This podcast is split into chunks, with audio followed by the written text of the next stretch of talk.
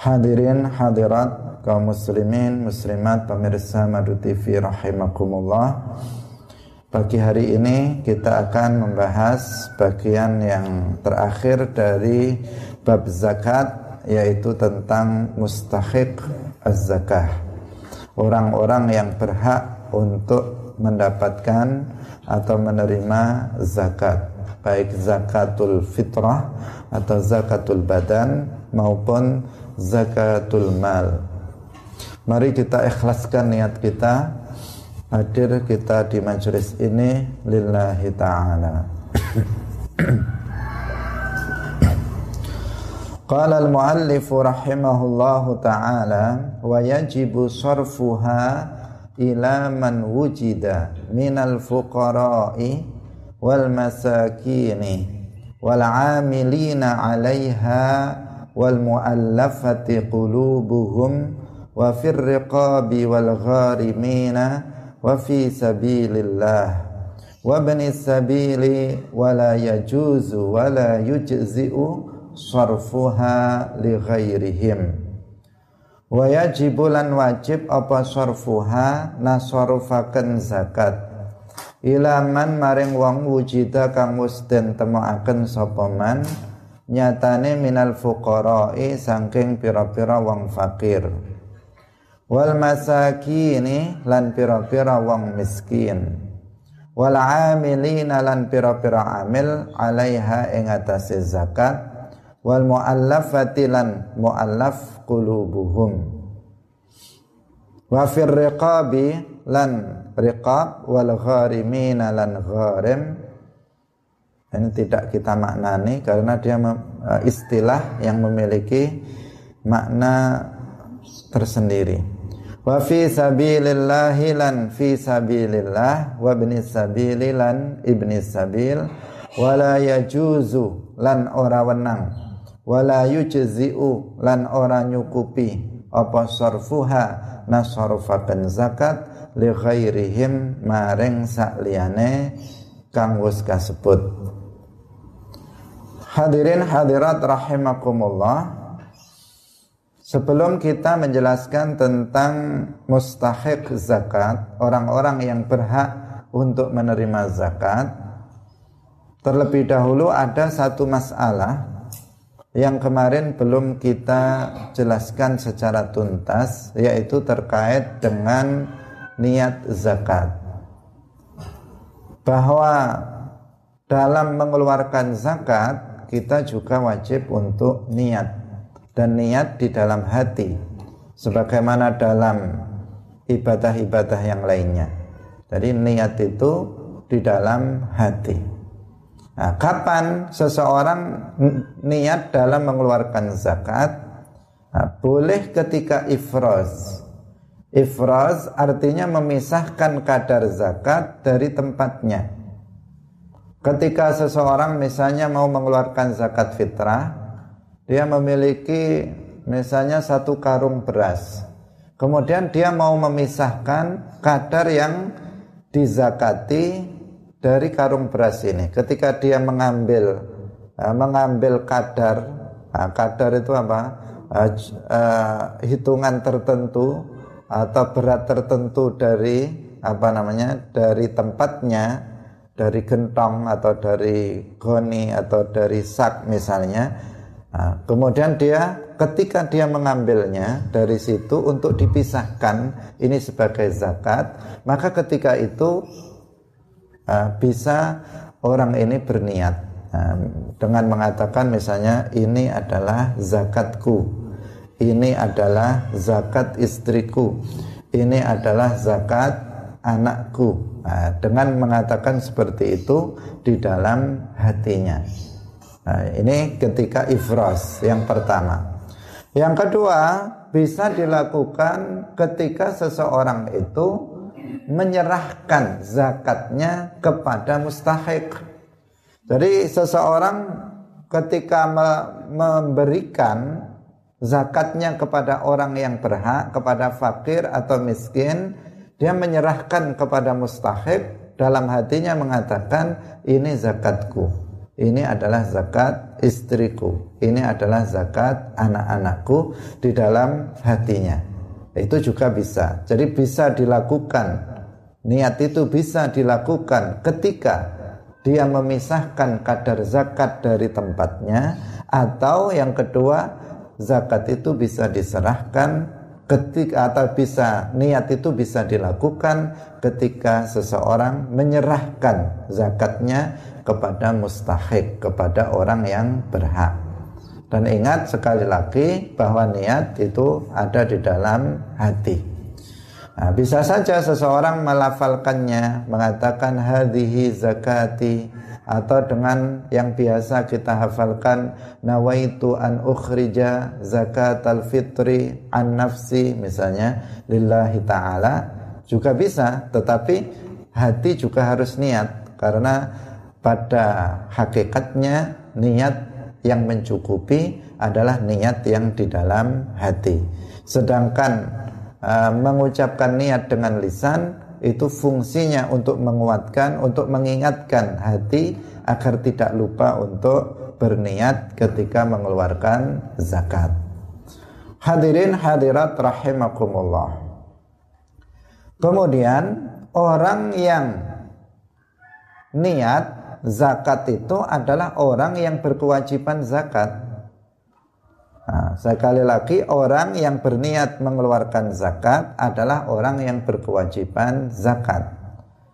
Nah, misalnya saya uh, berkewajiban zakat, maka saya yang niat uh, mengeluarkan zakat.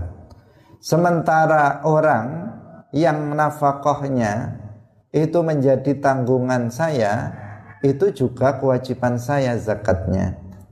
Misalnya istri, anak-anak yang belum balik nah, istri dan anak-anak yang belum balik. Itu kewajiban zakatnya adalah ada pada diri saya. Maka berarti yang niat zakat untuk istri saya dan anak-anak saya yang belum balik itu adalah saya yang niat. Bukan anak itu yang niat atau bukan istri yang niat tetapi kita atau saya yang niat untuk mengeluarkan zakat. Misalnya saya mengatakan dalam hati saya, ini adalah zakatku, ini adalah zakat istriku, ini adalah zakat anakku yang bernama ini, ini adalah zakat anakku yang bernama ini. Yang niat siapa? Yang niat adalah orang yang berkewajiban zakat, nah, yaitu kalau anak yang belum balik adalah ayahnya, jika seorang istri maka yang niat adalah suaminya. Bukan anak kecil itu yang belum balik itu yang niat. Nah, tetapi apa namanya yang berkewajiban mengeluarkan zakat. Karena yang berkewajiban mengeluarkan zakat zakat badan dari anak yang belum balik itu adalah ayahnya. Dia yang berkewajiban bukan dia yang berkewajiban bukan anak kecil yang berkewajiban, tetapi yang berkewajiban adalah orang tuanya, bapaknya. Nah, demikian juga seorang istri yang berkewajiban mengeluarkan zakat fitrahnya, zakat badannya adalah suaminya, bukan dia sendiri. Karena itu yang berniat adalah ayahnya atau suaminya. Adapun jika anak itu sudah balik, anak itu sudah balik. Maka di sini tanggung jawab nafkahnya bukan lagi pada orang tuanya. Bukan lagi pada ayahnya. Maka jika dia mengeluarkan zakat badannya maka dia niat sendiri. Dan dari harta dia sendiri kalau dia memang memiliki dengan ketentuan yang kemarin kita telah jelaskan dia mengeluarkan zakat fitrah untuk dirinya sendiri manakala dia sudah balik. Jika orang tuanya itu ingin mengeluarkan zakat badan atau zakat fitrah untuk anaknya yang sudah balik, maka di sini harus izin.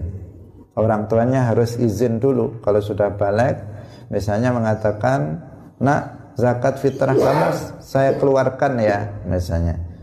Kemudian anak mengatakan iya, maka di sini baru boleh dikeluarkan oleh orang tuanya. Tetapi jika seseorang atau orang tua mengeluarkan zakat fitrah anaknya yang sudah balik diam-diam tidak ngomong-ngomong tidak izin kepada si anak itu maka di sini tidak sah. Zakatnya tidak sah. Kenapa? Karena dia bukan dia yang berkewajiban untuk mengeluarkan zakat fitrah anak yang sudah balik. Mengingat anak yang sudah balik itu dia tidak lagi menjadi uh, kewajibannya tidak apa nafkahnya tidak lagi menjadi kewajiban ayahnya. Hadirin hadirat rahimakumullah ini mesti diperhatikan, kita ingatkan karena banyak orang tua yang mengeluarkan zakat fitrah untuk anaknya tanpa izin kepada si anak itu. Hadirin hadirat kaum muslimin pemirsa Madu TV rahimakumullah. Yang berikutnya adalah tentang masalah mustahik zakat. Mustahik zakah artinya orang-orang yang berhak untuk menerima zakat. Orang yang bisa menerima zakat, orang yang boleh untuk kita beri zakat. Orang yang apabila kita zakat kita kita berikan kepadanya, maka zakat kita bisa sah. Tetapi jika zakat fitrah kita atau zakat mal kita kita berikan kepada selain mustahik zakat, maka zakat itu tidak akan sah karena ini adalah bagian dari peraturan atau bagian dari syariat tentang zakat. Yang pertama adalah fukara, orang-orang fakir. Yang pertama adalah orang-orang fakir. Dikatakan ila man wujida minal fukara. Jadi dari dari delapan asnaf delapan golongan yang wajib untuk diberikan zakat ini nanti adalah orang-orang yang ada di daerah itu dari delapan asnaf. Jika adanya tiga, ya tiga saja. Jika adanya delapan, maka delapannya diberikan semua. Jika ada lima, maka lima yang diberi. Jika cuma ada dua, ya dua kelompok yang diberi. Jadi uh, tidak harus semuanya ada, tidak harus semuanya ada dalam daerah tersebut, tetapi yang ada itulah yang diberi. Yang nggak ada maka ya jelas namanya tidak ada, maka bagian dia itu tidak diberikan karena memang orangnya tidak ada. Yang pertama adalah Fakir, orang fakir adalah orang yang tidak bekerja atau dia bekerja tetapi hasilnya tidak mencapai separuh dari kebutuhan primernya. Jadi ukurannya adalah kebutuhan primer. Kebutuhan primer itu adalah kebutuhan yang tidak bisa tidak bagi manusia yang hidup, tidak bisa tidak dia pasti membutuhkannya. Yaitu misalnya uh, untuk makan, minum, pakaian, tempat tinggal, itu namanya uh, bahan atau namanya kebutuhan primer.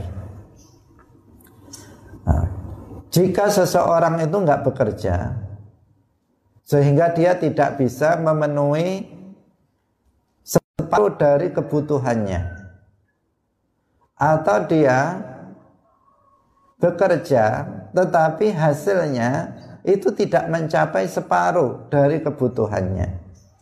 Maka di sini dikatakan dia adalah orang yang fakir. Misalnya seseorang bekerja tetapi dalam sehari dia hanya mendapatkan kurang dari kebutuhannya. Dia butuh 50 ribu karena dia apa namanya keluarga kecil misalnya dia membutuhkan dalam satu hari uang 50 ribu untuk kebutuhan pokoknya. Tetapi dia bekerja hanya mendapatkan hasil 10 ribu setiap hari. Nah ini kan belum ada separuh yang dia dapatkan. Maka orang seperti ini disebut sebagai orang yang fakir. Atau sama sekali misalnya nggak mendapatkan uh, tidak mendapatkan uh, apa uh, hasil sama sekali. Dia nggak bisa memenuhi sama sekali kebutuhannya atau bisa memenuhi kurang dari separuh dari kebutuhan dia. Dia disebut sebagai orang fakir. Kemudian hadirin rahimakumullah yang kedua adalah miskin keadaan orang miskin masih lebih baik daripada orang fakir karena orang miskin artinya orang yang hanya bisa memenuhi separuh kebutuhan primernya tetapi tidak penuh. Misalnya seseorang tadi membutuhkan uang 50 ribu untuk kebutuhan pokoknya. Tetapi dia hanya bisa untuk menghasilkan misalnya 30 ribu atau 40 ribu. Dia sehari dapat 40 ribu padahal kebutuhannya 50 ribu. Berarti kurang berapa? masih kurang 10 ribu. Untuk cukup itu masih kurang 10 ribu. Maka orang semacam ini namanya adalah miskin nah, orang miskin Nah, orang yang miskin itu juga berhak untuk diberikan zakat. Nah, untuk diberi zakat. Fakir, kemudian yang kedua adalah miskin. Nah, hadirin hadirat rahimakumullah. Jadi fakir dan miskin itu diukur dari kebutuhan dan hasil. Bukan da diukur dari berapa penghasilannya tetapi diukur dari berapa kebutuhan dan berapa yang dia dapatkan. Nah, sehingga di sini tidak sama antara satu orang dengan orang yang lain. Misalnya si fulan atau si A kebutuhannya 50 ribu dan dalam satu hari dia hasilnya adalah 60 ribu maka dia bukan fakir, dia juga bukan miskin. Sekali lagi, ada seseorang si A dan si B, misalnya langsung dua, si A dan si B, bekerja di tempat yang sama, bekerja di tempat yang sama. Nah, gajinya setiap hari 60 ribu, yang si A 60 ribu, si B juga 60 ribu. Tetapi si A itu yang tanggungannya adalah cuman istri dan anak satu. Kemudian si B itu tanggungannya adalah istri, anaknya empat misalnya. Nah, ini kan beda, kebutuhannya kan beda. Nah, hasilnya sama, 60 ribu, 60 ribu. Tapi si A kebutuhan dalam seharinya cuma 50 ribu. Maka dia di sini kaya bukan fakir bukan miskin. Sementara si B hasilnya juga 60 ribu sama dengan dia tetapi dia butuh dalam sehari 100 ribu. Karena tanggungannya banyak dia butuh 100 ribu. Maka apa? Yang di sini itu kaya yang di sini adalah miskin. Karena sudah separuh kalau 60 ribu sudah separuh tetapi masih kurang. Berarti dia dianggap sebagai orang miskin. Jadi bukan diukur dari berapa pendapatan dia dalam sehari tetapi juga dibandingkan dengan kebutuhan pokok dia dalam sehari. Sehingga antara meskipun uh, penghasilan seseorang itu sama perharinya tetapi tidak kemudian menjadikan dua-duanya statusnya sama. Bisa berbeda tergantung kepada berapa uh, yang dia butuhkan dari kebutuhan primer, kebutuhan pokok yang dia butuhkan. semakin banyak orang yang wajib dia nafkahi, maka semakin besar kebutuhan dia. Semakin sedikit orang yang wajib dia nafkahi, berarti semakin sedikit pula kebutuhan dia. Nah, ini harus menjadi perhitungan. Nah, jangan sampai kemudian seseorang uh, kalau biasanya pada umumnya hanya diukur dari apa? Dari upah minimum saja. Uh, dia berapa penghasilannya? Oh sekian. Oh, oh berarti dia sudah cukup, nggak usah dibantu, nggak usah diberi zakat. Padahal anaknya bawanya punya istri, orang tuanya juga miskin misalnya. Nah, nah, dilihat oleh orang dia apa? Dia penghasilannya lebih besar dari tetangganya yang satu. Tetapi ternyata sebenarnya justru apa eh, kebutuhan dia justru belum terpenuhi. Yang ini hidup sebatang kara, tetangganya itu hidup sebatang kara, dia sendiri. Hasilnya dia bekerja nggak habis dimakan orang satu. Hah? dimakan orang lima pun atau dimakan orang dua pun tidak habis. Tapi nilainya kecil nilainya kecil dibandingkan dengan yang satu ini dia nilainya kecil. Tetapi kalau dia untuk makan untuk kebutuhan dia ya lebih dari cukup. Wong dia hanya sendirian. Dia hanya sendirian. Rumah juga ada meskipun tidak mewah tetapi rumah juga ada. Nah, tetapi kemudian dipandang oh ini dia sendirian. Nah, kemudian di, malah diberi zakat padahal dia justru apa? Dia justru cukup. Sementara yang ini hasilnya besar sebenarnya gajinya besar tetapi kebutuhannya lebih besar dari penghasilan dia. Nah, ini tidak diperhitungkan. Nah, akhirnya apa? Akhirnya uh, tadi salah tempat, nah, salah tempat dalam mentasarufkan zakatnya. Nah, maka ini harus dipahami, nah, harus dipahami terutama bagi para panitia yang apa namanya uh, meng mengadakan uh, menarik dan mensalurkan zakat itu harus dipahami agar nanti apa namanya tidak salah tempat. Hadirin rahimakumullah.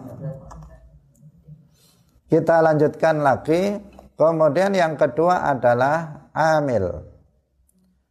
Amil adalah orang yang ditunjuk oleh imam nah, dengan tanpa diberi gaji dari baitul mal atau kas negara untuk mengambil, menerima dan membagikan zakat dari orang yang ditunjuk oleh imam. Jadi ditunjuk oleh pemerintah. Apabila seseorang itu menunjuk dirinya sendiri atau hanya ditunjuk oleh takmir masjid atau ditunjuk oleh takmir musola atau ditunjuk oleh Pak RT, maka dia bukan amil namanya.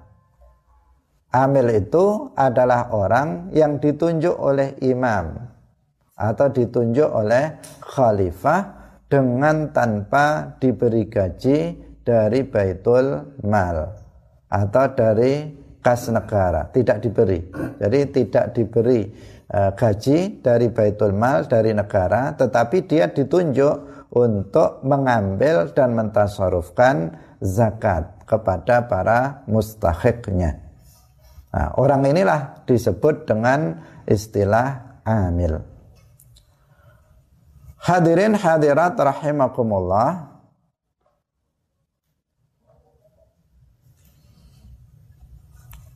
Ini kita karena ada gangguan maka kita uh, selesaikan sampai di sini. Insya Allah kita akan lanjutkan pada pertemuan berikutnya. Kurang lebihnya mohon maaf. Barakallahu fikum. Wassalamualaikum warahmatullahi wabarakatuh.